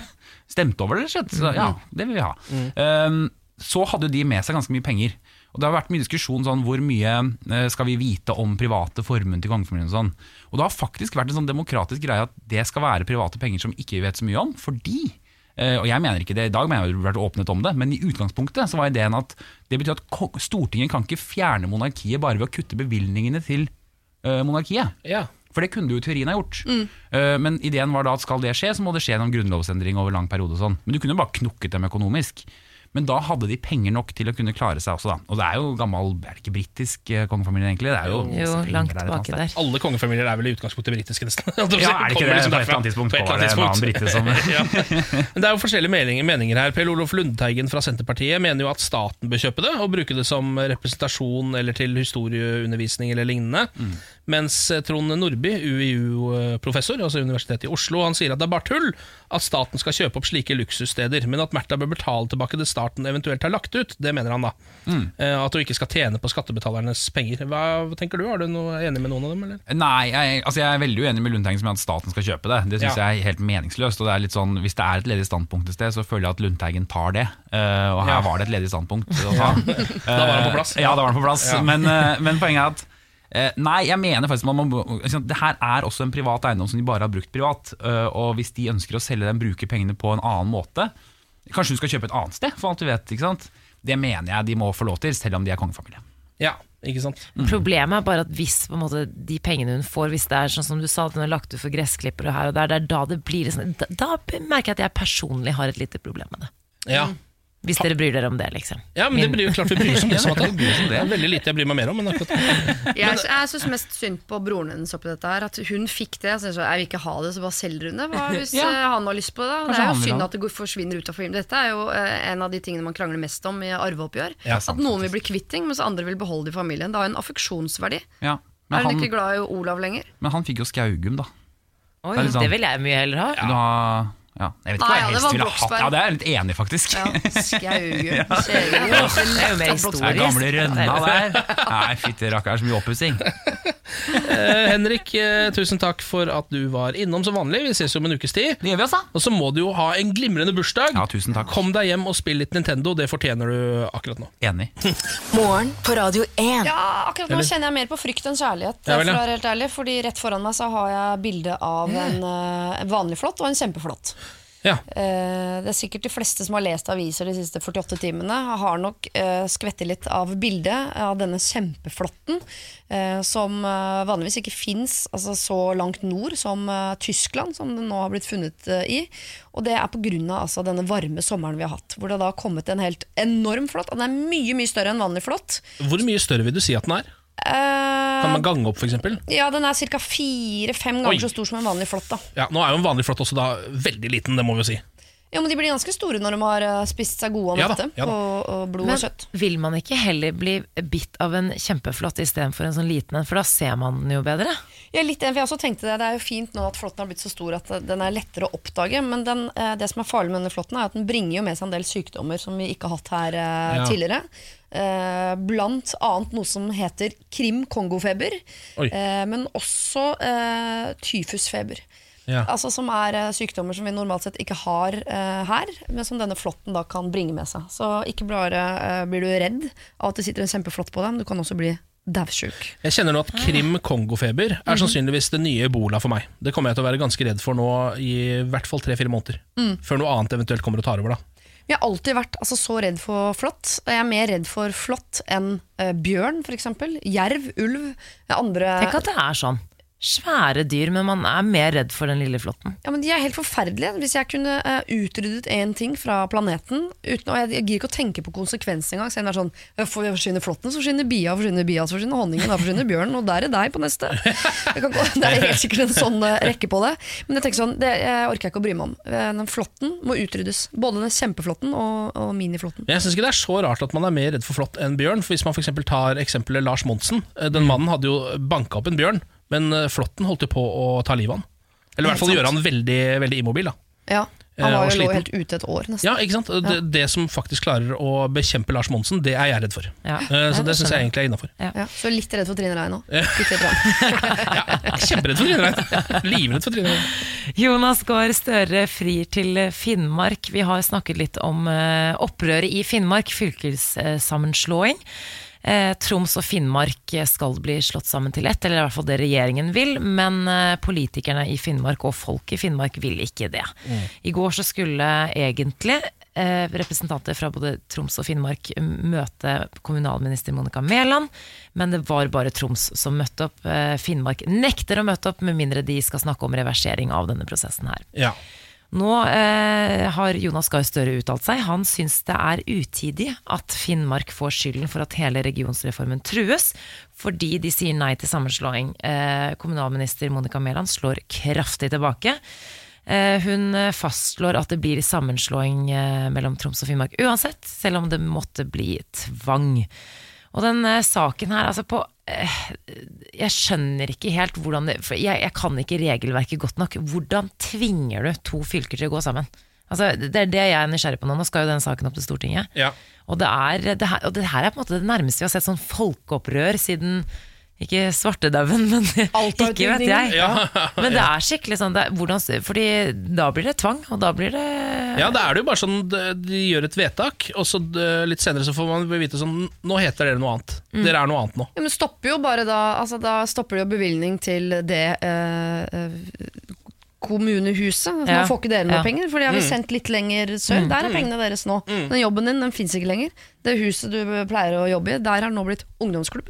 Ja. Altså, det må Ja, være sånne sånn, ting. ja. Ja, men jeg syns det er litt gøy med folkeopprør. Jeg må si det også litt at eh, For jeg tror Finnmark, politikerne der var litt med på å snakke om det, men så var folket så eh, innmari på å si, klare på det at de ikke ville. At politikerne har snudd nå, og nå sier de bare nei, nå skal vi bare nå skal vi holde oss. Og jeg liker at det er litt sånn folkeopprør. Hvem sånn. er Det dere heier på? Jeg heier på Finnmark. Jeg heier på Finnmark, ja, jeg gjør selvfølgelig. Jeg kjenner det. Heier du på staten eller Finnmark? Jeg minner om at jeg liker at de sier sånn eh, Men Finnmark, nå har vi hørt argumentene deres. Og når Finnmark nå fortsatt sier sånn Ja, men jeg vil ikke snakke med deg før du vil høre argumentene mine om reversering. Så ikke sånn, ja, men vi har hørt argumentene, og vi vet at 80% av Finnmark ikke vil. Det, det er ingenting du kan fortelle meg som ikke vi allerede vet, men jeg har bestemt at sånn blir det. Og jeg, jeg liker standhaftigheten, men jeg skjønner jo Finnmark. Hadde jeg vært, bodd i Finnmark, så hadde jeg vært en del av de 80 som sa nei. Ikke sant? Det hadde jeg også. Eh, nå skal vi til Troms, da. Fordi vi følger jo Salhangen nyheter gjennom hele denne uka. Det er eh, lokalavisen som vi følger i eh, spalten Morgen på Radio 1 Aviser av Norge. Den holder jo til i Troms. I går var vi innom saken handlevogn på avveie, hvor det viste seg at eh, en eh, person hadde kasta seg ut i vannet for å redde en handlevogn som lå der og sprella. I, dag- I dag har vi denne saken. Oppdaterte nettsiden. Fjellkysten gjestehus oppdaterte nettsidene sine for syv år siden. Det er ikke saken, Fordi nå viser det seg at nå, altså, det var sist gang de gjorde det. Nå har de gjort det en gang til. Oi. Og det er saken det er nå. Da. Ja. Eh, Mye av grunnen til den nye nettsiden er at teknologien har gått videre, og de trengte, trengte tilgjengelighet for mobil. Så står det her litt sånn statistikk. For syv år siden brukte 10 av eh, Fjellkysten gjestehus sine besøkende på nettsiden mobiltelefon. Nå er det ti år siden de oppdaterte nettsiden sin sist. Plutselig er det ti år siden, det var syv i stad. Ja. Samme det. Eh, Nå er det da 50% som bruker mobiltelefon når de skal inn på disse nettsidene. Det var nødt til å gjøre en endring.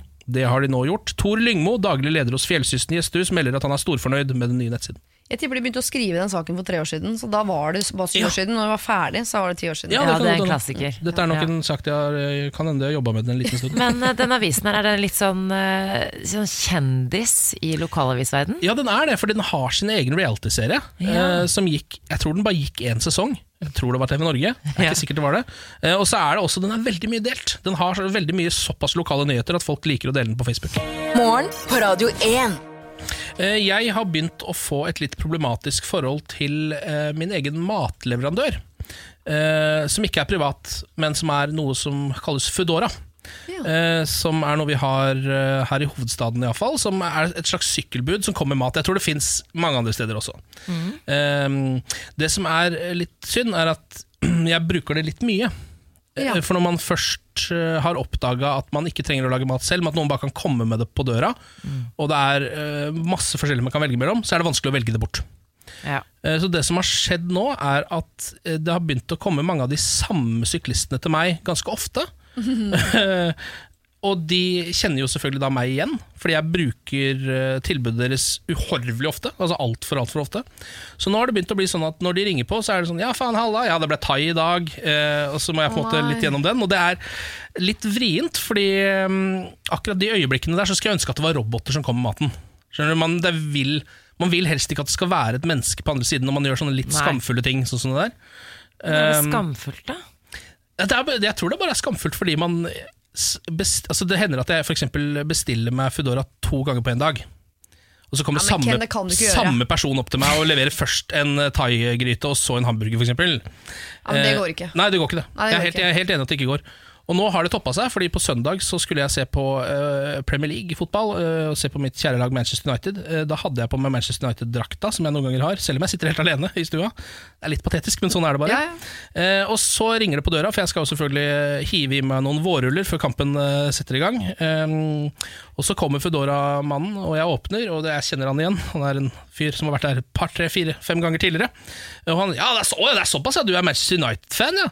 Ja, halla, faen er det Og så blir det på en måte litt sånn at da kjenner vi hverandre såpass godt, egentlig. For vi har hilst på hverandre fire-fem ganger. Jeg kjenner han jo bedre enn jeg kjenner mange jeg jobber sammen med, f.eks. Ja. Sånn egentlig. Snakka med han flere ganger. Han kommer til å bli invitert til din neste bursdag. Sannsynligvis. Eh, og det blir, blir på en måte litt sånn at han For kampen er i gang.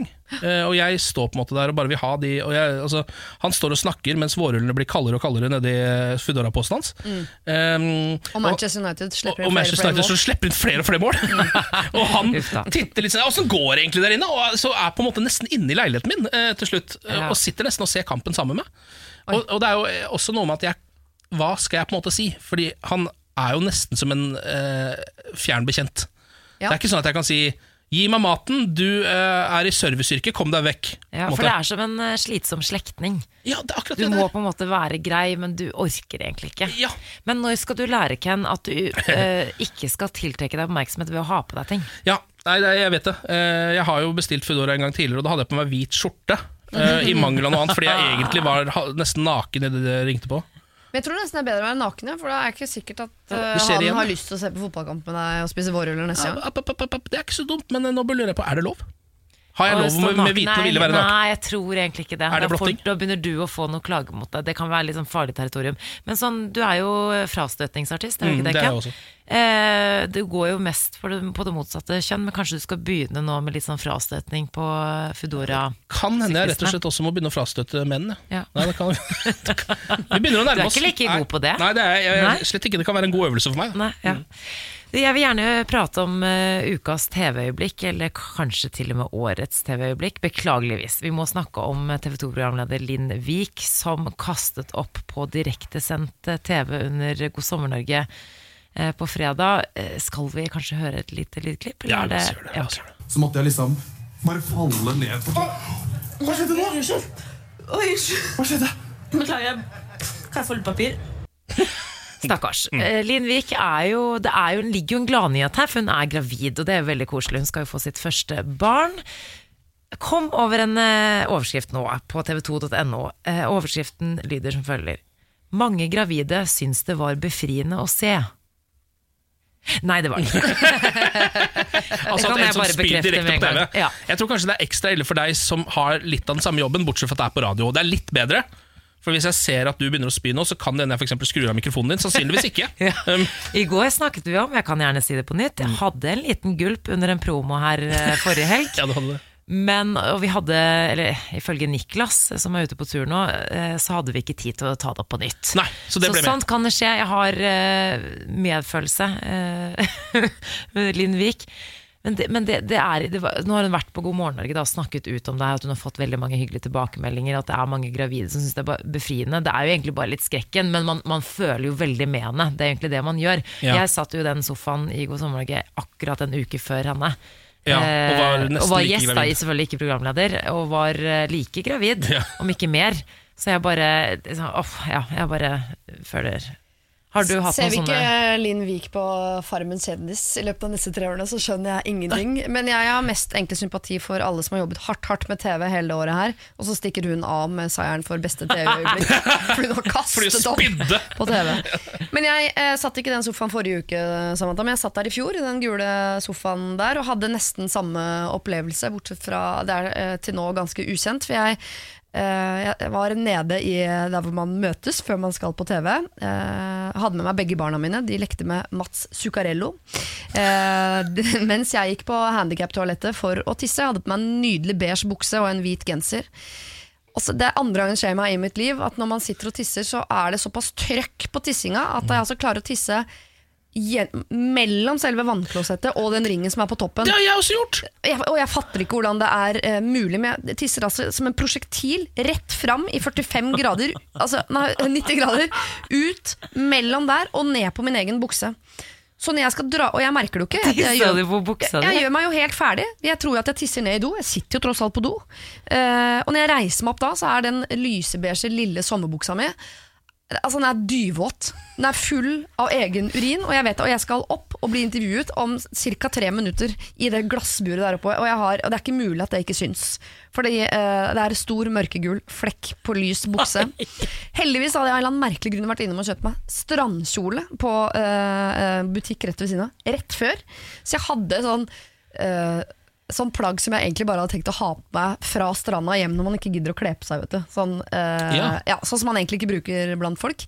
Men jeg måtte sitte altså, i den gule sofaen der i en eh, altfor tight strandkjole eh, uten undertøy, og vite at eh, noen, bare, for noen få sekunder siden så tisset jeg på meg. Men du Siri, kan jeg stille et spørsmål?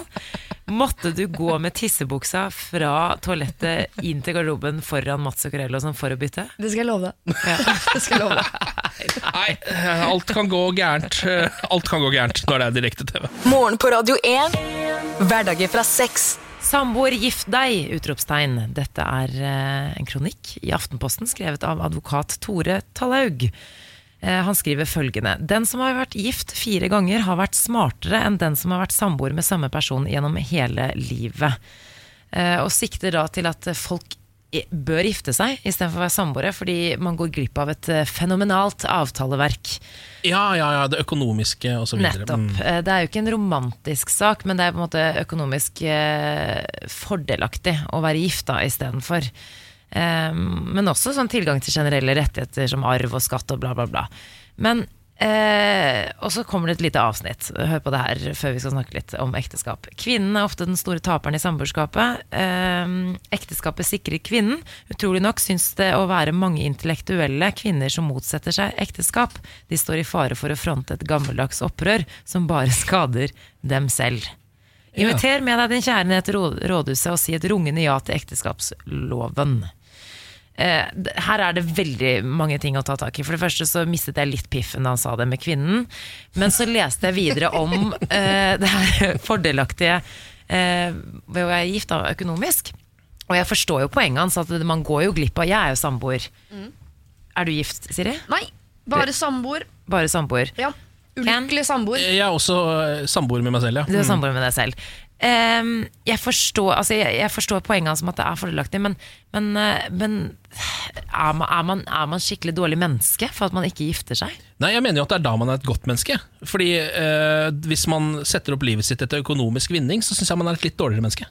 Men, jeg, Og det er jo det man gjør ved å gifte seg, tydeligvis. da men eh, økonomisk at det er gunstig å gifte seg, kommer jo an på om du er den som sitter på pengesekken, eller om du er den som Ja. eh, trenger å fylle på. da Ja, Eller? Jo, det er jo vel egentlig det. Det han sier at det på en måte eh, statistisk, statistisk sett så er det jo ofte kvinnen som da taper på det. Fordi Ja. de, ikke, de eventuelt da flytter inn med mannen, og så kjøper de ikke seg inn hus osv. osv. Men uh, likevel så mener jeg på en måte at eh, jeg er kanskje litt gammeldags, men jeg mener at ekte, ekteskap ikke bare skal handle om det. da Nei, Nå er jeg nei. forlovet, så jeg skal jo egentlig gifte meg. eh, Men jeg bare Jeg får mindre lyst til å gifte meg når jeg leser det her. Ja, det skjønner jeg, Men det mest gammeldagse ville vel vært å gifte seg av økonomiske grunner. For det er jo derfor man giftet seg i gamle dager. Det var ikke fordi man var forelsket i hverandre. Nei. fordi eh, det lønte seg, enten for deg eller familien din, på en eller annen måte å gifte seg. ja. Så var man veldig ofte i familie med den du skulle gifte deg med, og det var også Ja. Jeg synes Det er jo litt spesielt at han på en måte begynner å dra inn kjønn i det. Fordi det han sier sånn Ja, alle burde gifte seg, og så sier han sånn Kvinner burde egentlig gifte seg. Eh, Ja. Men ikke gift dere, Fordi dere, det- da taper dere masse penger, bare.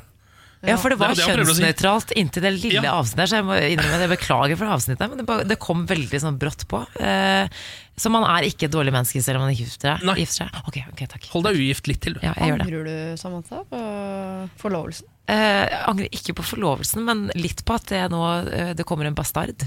Ja, I og med at jeg skal få barn. De kunne snudd Det er på ikke det. noe hyggelig. De kunne snudd på det. Ja.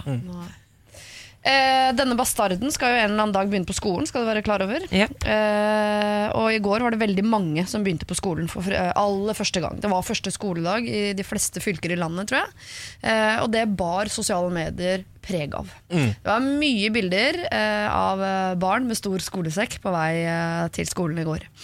Og eh, for hver 50. post av barn på vei til skole, så dukket det opp da post nummer 51 fra en eller annen som syntes dette var helt forferdelig.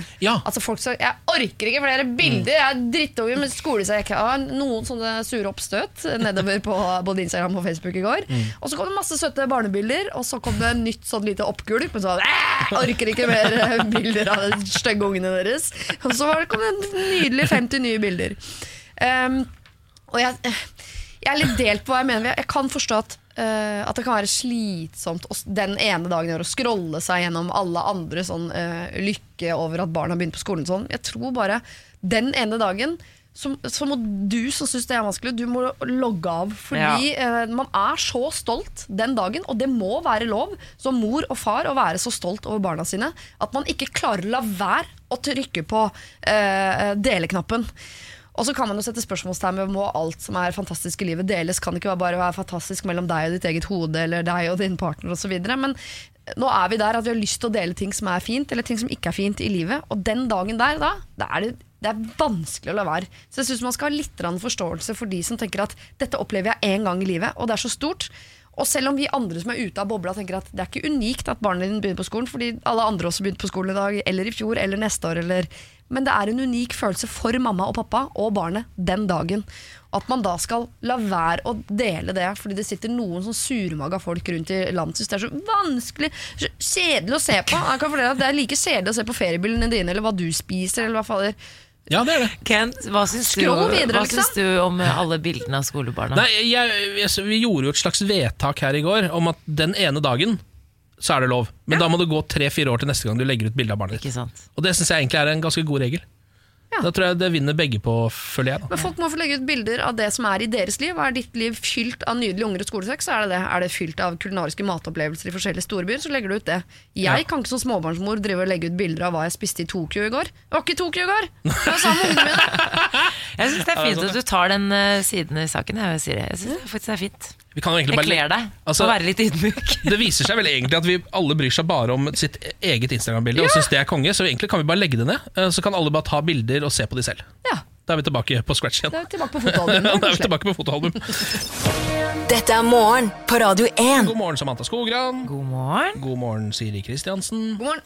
Og vi sier også god morgen til Geir Skau. God morgen, Geir. God morgen, god morgen. Fra, eh, du kommer jo bare rett over gangen her, du. Fra eh, morgenklubben på Radio Norge, eh, Ja. som holder til rett ved siden av oss, må vite. Åssen er dagen? Den er helt fantastisk. Jeg var på Rockefeller i går og feira Marius Müller. Han ville vært 60 år i går.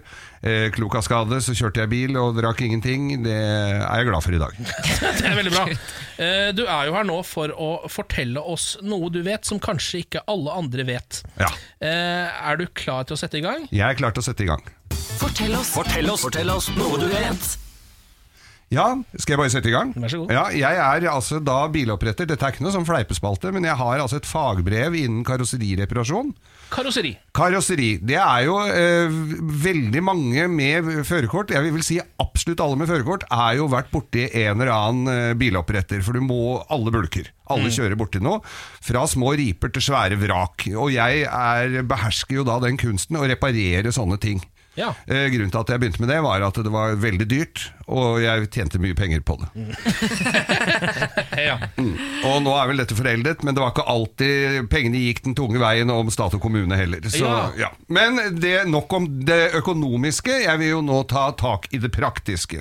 Hvis man tenker da eh, eksempel en, en lang bulk i en dør kan se brutalt ut. Her går det faktisk an for eieren å reparere noe av dette sjøl. På en sånn bulk så ligger det da en liten rygg rundt.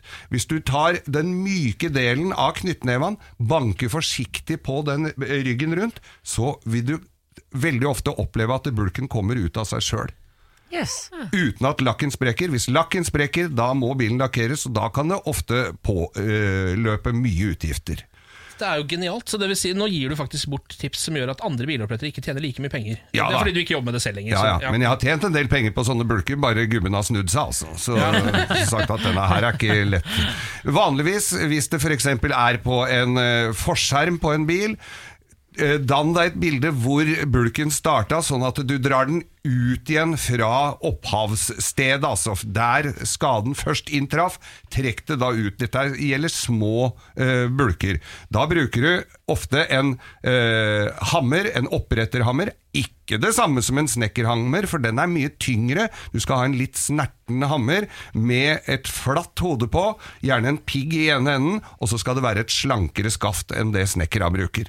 Så bruk, tar du et mothold på baksiden av bulken, hvor du legger da på den delen som er lengst inn, altså den bulken som er dypest, legger den forsiktig på og kakker rundt på denne tidligere omtalte ryggen, og får bulken ut, så vil det da antageligvis bli noe småbulker. Da må det sparkles, grunnes, slipes, grunnes igjen og lakkeres. Det er en stor prosess. Det er ikke rart det koster penger. Så man banker aldri ut ku, altså bulken fra baksida? Jo, du, du kan. Det er helt riktig observert, Siri. Du kan også gjøre det, men vær da forsiktig med at ikke du dæljer for hardt. Hvis noen skal gjøre dette her sjøl, for da strekker du metallet, og metallet kan krympes tilbake igjen, men da må du bruke varme og bråkjøling.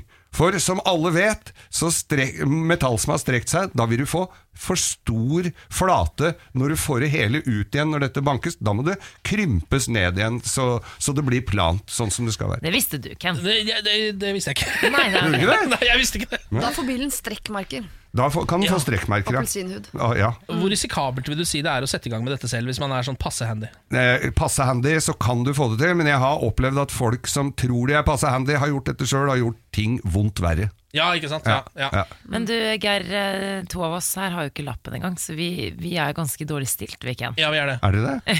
Ja, men på en måte så er, det jo, er vi jo godt stilt også, for vi trenger, altså, har man ikke bil, så får man heller ikke bulka den. Nei, det, godt poeng. Nei, det- der har du et poeng. Ja. Ja, ja. Jeg har lappen, men jeg har aldri bulka, men jeg har ripa en del. Skrapa og ripa har Det er ofte også veldig mye dyrere enn det det ser ut til. Ja. Ja. Det- Hvis du har en ripe i en bil, eller små rustflekker, Ja. så kan du polere røbbe og polere det bort. Røbbing er altså grov polish. Det som også går an å bruke, er GIF. GIF? GIF, Ja, vet for det er du. små For det er det sånne skurekorn i. Vær litt forsiktig, så kan du bruke litt GIF. Herregud, det her Det er her er, det her er gode ting, altså. Mm. Bruk GIF på bilen din, for eksempel. Takk, Geir Skau, for et lite eh, kurs i do it yourself biloppretting. Bare det hyggelig. er litt ålreit, det, altså. Morgen på Radio 1. Og vi eh, har fått Pernille inn i studio. Velkommen på jobb, Pernille. Hei og god morgen. God morgen, er alt bra? Ja, men i dag er jeg, gruer jeg meg fælt, for at jeg skal, ta øy, sånne, jeg skal til øyelegen etterpå. Og når du skal til øyelegen for ikke å på en måte ta synstest, men for å sjekke noe inni, så må du ta sånne øyedråper som gjør at du blir litt sånn blind. Ja, det, det er ubehagelig. Mm, Veldig så- ubehagelig. Så i går så måtte jeg sende en melding til eh, eh, jentegruppa eh, og spørre Hei, er det noen av dere som ikke jobber i morgen og som har lyst til å bli med meg til øyelegen, sånn at jeg kan komme meg på riktig buss hjem? Ja, fordi du, når du går ut derfra, så er du delvis blind, så da klarer du deg egentlig ikke selv. Da. Ja, og det viser seg at jeg har venner som stiller opp, og det er overrasket meg litt. Det er men da veldig hyggelig. veldig hyggelig. Det er veldig ålreit. Jeg har minus syv på begge øynene, og har, nei, minus 750 nå er- faktisk. Og har fått beskjed om at hvis jeg mister linsene mine og er ute blant folk, så er jeg en fare for meg selv og andre. Eh, så jeg må faktisk alltid ha noen tilgjengelig, eh, hvis i tilfelle jeg mister en linse og ikke har noe. Er det såpass? Pernille, stiller du opp hvis jeg trenger det? 110 Ok, takk. Du har jo eh, fått en ny rolle i dette programmet, nemlig å være en slags mentometerknapp. Eh, En person som skal ut og eh, kjenne på eh, folkets puls eh, i ulike temaer som vi lurer på. Yes. Og det var veldig gøy, for nå er jo eh, godgutten eh, Niklas eh, på 71 grader nord. ja. og prøver å bli Norges tøffeste kjendis. Så i går så gikk jeg rett og slett ut fra Samantas oppfordring ut på gata og spurte Tror du Niklas Baarli kan bli Norges tøffeste kjendis. Nei, han klarer seg vel bra, han, vil jeg tro. Sikkert bra. Jeg vet ikke. Ja. Han så tøff ut. Det var litt vanskelig, men ja, sikkert det. Jeg kjenner ikke til han. Hvem er det?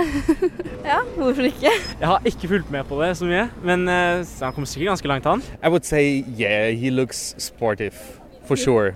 Ja, kanskje. Nei, jeg kan ikke svare på det. Eh, nei, det kan bli spennende, det. Det går helt sikkert fint. Ja, altså, alle burde jo ha en mulighet, da, så skal jeg ikke se bort ifra det. Nei, egentlig ikke. Nei, det tror jeg ikke. Jeg tror uh, han ryker ut uh, tredje først, tenker jeg. Ja, det skulle vel kunne gå bra det. Han ser jo rimelig sprek ut han, og ikke er han for gammel heller. Åh, ganske han siste der, han var søt. Vi skulle nesten ha sendt det lille, i hvert fall den siste biten her til Ja. Niklas. Altså, Så gode skussmål eh, altså, folket, Når de ser bildet av Niklas Baarli, så tror de at han er Altså, en av Norges tøffeste kjendiser. Da. Nå som han ikke er her, så kan vi jo gi han litt skryt for Mm. det bildet. Fordi de pressebildene av de i turklær Niklas er veldig kjekk. Ja, og ser veldig, Ja. ser veldig sprek ut også. Det, er ikke, det stemmer jo ikke Det er at han bra er at han men- nå henger i et tau ned fra Jotunheimen, eh, fordi at han ikke er her. Fordi det tror jeg hadde kicka selvtilliten hans over i douchebagland. Ja, det går.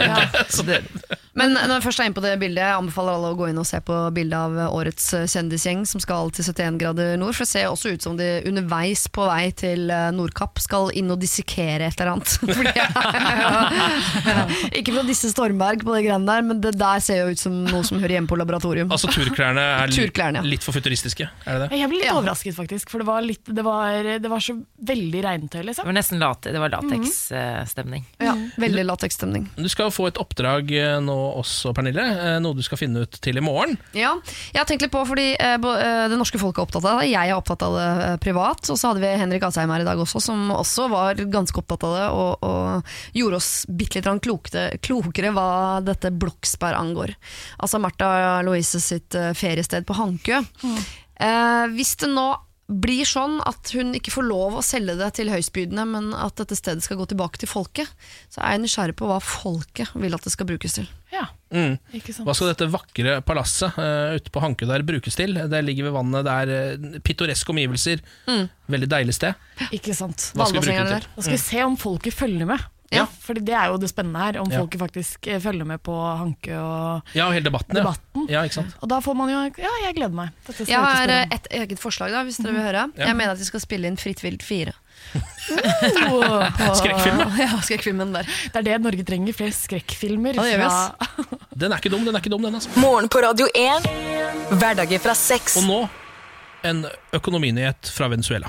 Det regner jeg med alle er klare for nå. Ja, Det dette... men det har jo vært litt dårlig stemning der, da. Ja, Det er fortsatt ganske dårlig stemning der. Ja. Eh, eh, litt komisk dårlig stemning, kan man si. Eh, det som nå har skjedd, er at um, det er såpass høy inflasjon, er det vel det heter. Uten at, altså, jeg gikk en uke på handelshøyskolen, det var fadderuka, og så slutta jeg. Så jeg Så du vil ikke at vi skal spørre deg hva inflasjon er? ikke spør meg noe okay. om handel eller økonomi, for det kan jeg ikke noe om. Eh, men i denne saken så står det da at nå er ikke lenger en månedslønn i Venezuela nok til å kjøpe en kilo kjøtt. Fordi det koster 9,5 millioner av den eh, lokale valutaen bolivar. Eh, hvis du vil ha en kylling, så må du punge ut med 13 mil. Eh, og det En ting er jo at dette er veldig eh, altså mye penger for folk, så de har ikke råd til å kjøpe seg en kylling etter å ha jobba en måned.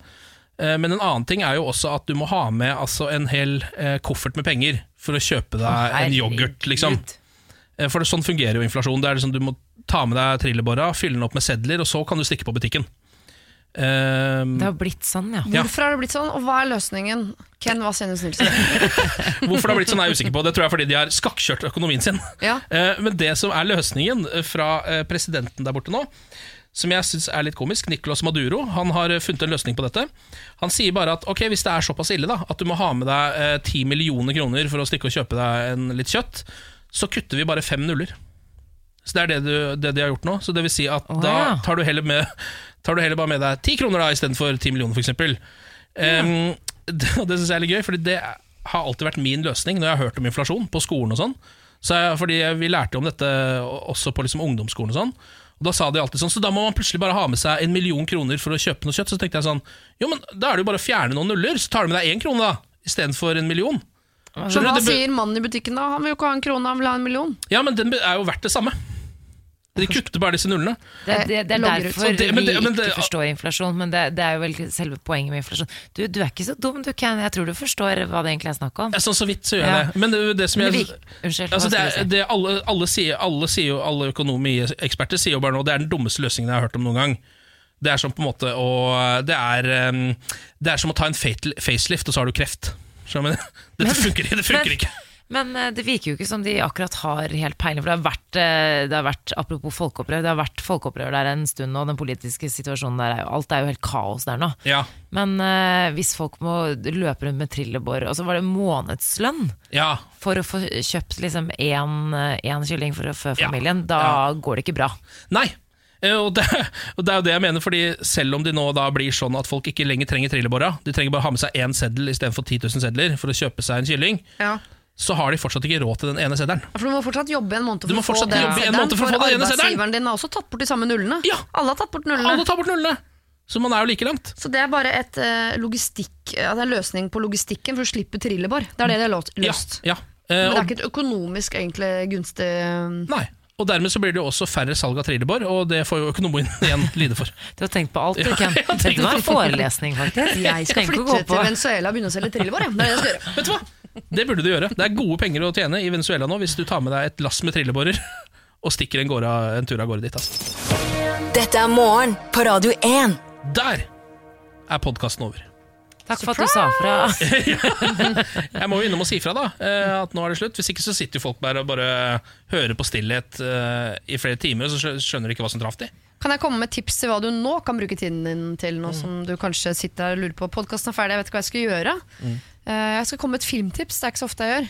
Eh, Forrige skikkelig god filmen jeg så, var eh, 'Frihetens regn'. Den kom ut for 15 år siden. Er tipset ditt The Shawshank Nei, nei, nei, nei, Nå har jeg sett en ny film som jeg liker veldig veldig godt. Mange år etterpå.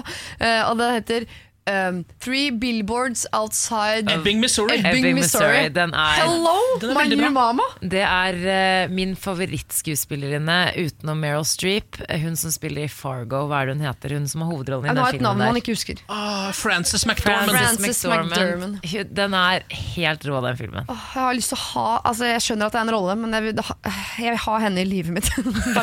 Ja, den rollen Ja, hun ja, ja, spiller. ja, ja, ja. det er en Oscar-vinner. Ja, ja. Den Den, er der. veldig bra, og den, men den kan se ut som den er litt, sånn, litt vel mørk hvis man leser på en måte bakpå coveret. Skjønner du, så er det sånn, Ja. Skal jeg leie denne filmen, sånn som i gamle dager på VHS-en? Ja. Så er det sånn Nei, dette virker litt dystert. Men den er ikke så Ja, den er ikke mye dyster. Du altså. ler overraskende mye. Ja. Jeg lo veldig mye under den filmen, selv om den er litt trist. Ja. Koste meg i hjel med den filmen. Ja, det er et Tips, Siri. kjempetips.